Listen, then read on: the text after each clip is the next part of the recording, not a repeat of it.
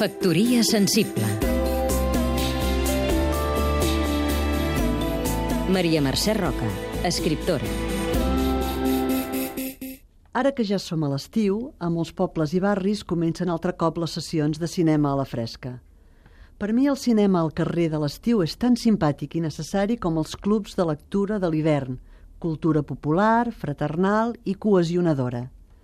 No cal dir que cada programador fa el que li sembla.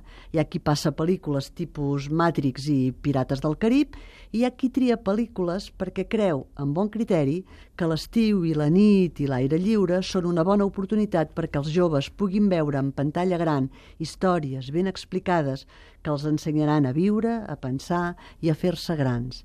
És a dir, pel·lícules, els plànols de les quals poden durar fins a 11 segons, que és tota una eternitat per als nadius digitals que tenen poca paciència i sempre van tan de pressa. No cal posar-los un Visconti, potser, però n'hi ha prou amb una pel·lícula que pot ser divertida o dramàtica o amb crítica social, però europea, si us plau. El cicle que fan a Sal va per aquest bon camí. Rufufú, matrimoni a la italiana, l'escapada i vacances a Roma. Quin gust veure actuar Gassman, Loren, Mastroniani, Trintignant, Cardinale. Què podem fer perquè interessin els joves i no fugin corrents cridant «Oh, no, quin horror! És en blanc i negre!» Com sempre, els pares ens hi hem de posar, encara que ens costi. Factoria sensible